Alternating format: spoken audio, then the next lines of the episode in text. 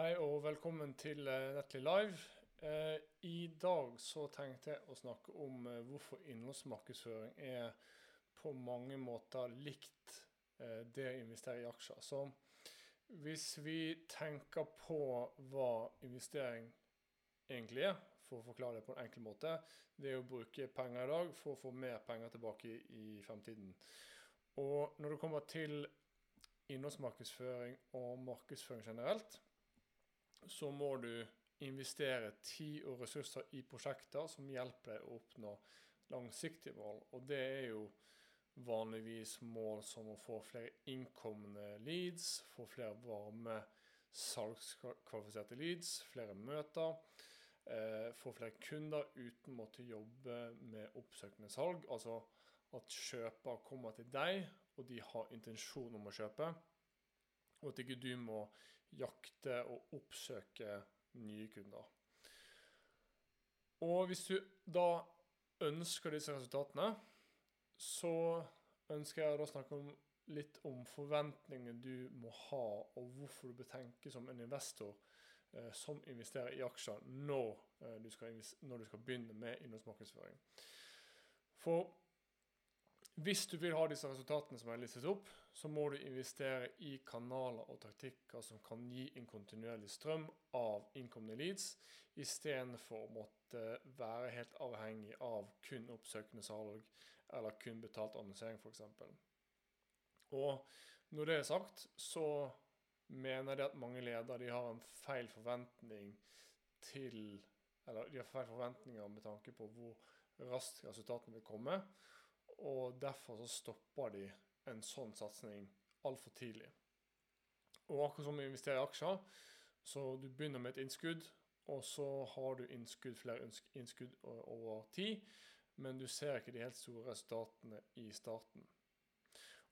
Og i innen markedsføringsfaget så er det de kanalene som gir deg best avkastning, de krever investering over lang tid før du ser virkelig se avkastningen.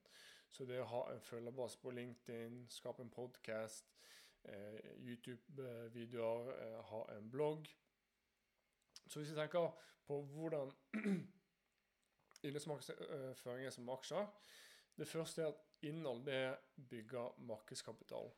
Så en god innholdsstrategi det bidrar til eksponentiell vekst.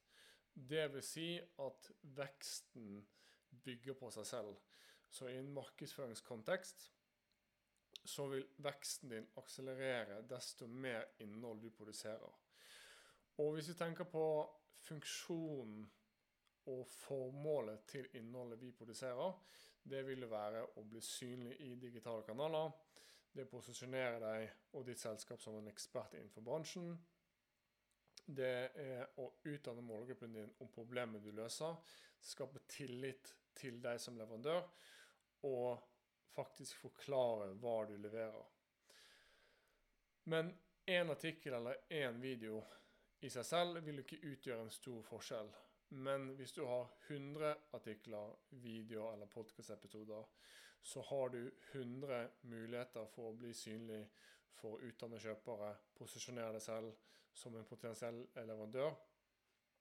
Og når du bygger din markedsstrategi, så bør du investere ikke bare, men en stor del bør investeres i kanaler som både gir denne rentas renteeffekten. Så innhold er jo en av de få typene av markedsføring som faktisk hjelper deg å få denne rentas renteeffekten. Eh, for hver gang du publiserer en artikkel, en video, en podkast-episode, så vil det på en måte være et innskudd. Og totalsummen er lav når du starter. Du har ikke så mye innhold i starten, men over tid så blir den veldig stor. Så så lenge du fokuserer på skal vi si, tidløse temaer i innholdet ditt, som er relevant i år, neste år, om fem år, eh, så vil dette innholdet kunne gi deg eh, trafikk, eh, du kan få leads, du kan få kunder i mange, mange år fremover. Så dette jeg mener med markedskapital. Så når du produserer mer innhold, så tar innholdet litt mer plass. Altså du blir funnet i flere kanaler, du kan distribuere det i flere kanaler. og du gir din målgruppe flere muligheter til å engasjere seg med ditt selskap. Og la oss si at du har eh, i snitt 50 besøk eller 50 visninger på en artikkel f.eks. Eh, per måned. Men hvis du har 100 artikler, så betyr det da 5000 besøk per måned. Og hvis du klarer å konvertere en halv prosent, en hel prosent til møter, så har du da 25-50 innkomne henvendelser per måned fra innholdet ditt. Og det er ganske verdifullt. Og det leder meg til neste punkt. Og innhold det reduserer kostnader og gir en høy avkastning. Så når du produserer innhold, så vil kostnaden for å generere nye potensielle kunder gå ned over tid, og du kan vokse med færre selgere. Så en av problemene i mange BTB-bedrifter har, er at de tror at man kun vokser ved å ansette flere selgere, som vi omsetter for X, eller la vi omsetter for 50 eh, millioner i år. Eh, la oss doble til 100 i fjor, nei, til, til neste år. Og derfor skal vi doble, doble antall selgere. Og jeg sier jo ikke det at bedrifter ikke skal jobbe noe med oppsøkende salg. Det er sannsynligvis ikke praktisk i de fleste bedrifter. Men det er heller ikke den mest effektive eller kostnadseffektive måten å skaffe eh, kunder på, eh, på, på lang sikt. Så hvis du får flere innkomne leads som har gjort mye av sin egen research før de tar kontakt, så trenger du faktisk færre selgere for å håndtere disse. Og det er jo fordi at kjøpere som kommer til deg og tar de proaktivt Eh, de proaktive og tar kontakt med deg, de vil konvertere i en høyere grad enn leads som er generert gjennom tradisjonell prospektering. Eh, og Grunnen til det er veldig enkel. Kjøper kommer til deg for de har en intensjon om å kjøpe. Eh, de har intensjon til, om å snakke om salg, de ønsker å få vite pris, de ønsker å se en demo osv. Og de fleste leads som du får fra prospektering, de har ofte ikke behovet der og da, eller intensjonen. Det kan godt være at de kommer til å ha det behovet i fremtiden, men det er veldig vanskelig å treffe på den timingen og på behovet når du kun jobber med oppsøkende salg. Så Derfor trenger du faktisk færre selgere hvis du har investert i innholdsmarkedsføring. Eh, for da kan selgerne dine bruke mer tid på eh, kjøpere eller kontakter med kjøpsintensjon som faktisk har, eh, vist, vist, interesse i produktet ditt, fremfor å snakke med 100 der kanskje kun én person er interessert. En annen ting er at når du produserer innhold, så kan det skaleres på en helt annen måte enn en selger kan. Så en selger kan jo gjerne bare formidle informasjon én til én i et møte eller over telefon eller over en e-post. Men hvis du har en artikkel eller en video, så kan du vise den videoen eller artikkelen til hundrevis eller tusenvis av personer om gangen. Så du kan gjøre det innskuddet én gang. Du kan produsere artikkel, podkasten, videoen én gang.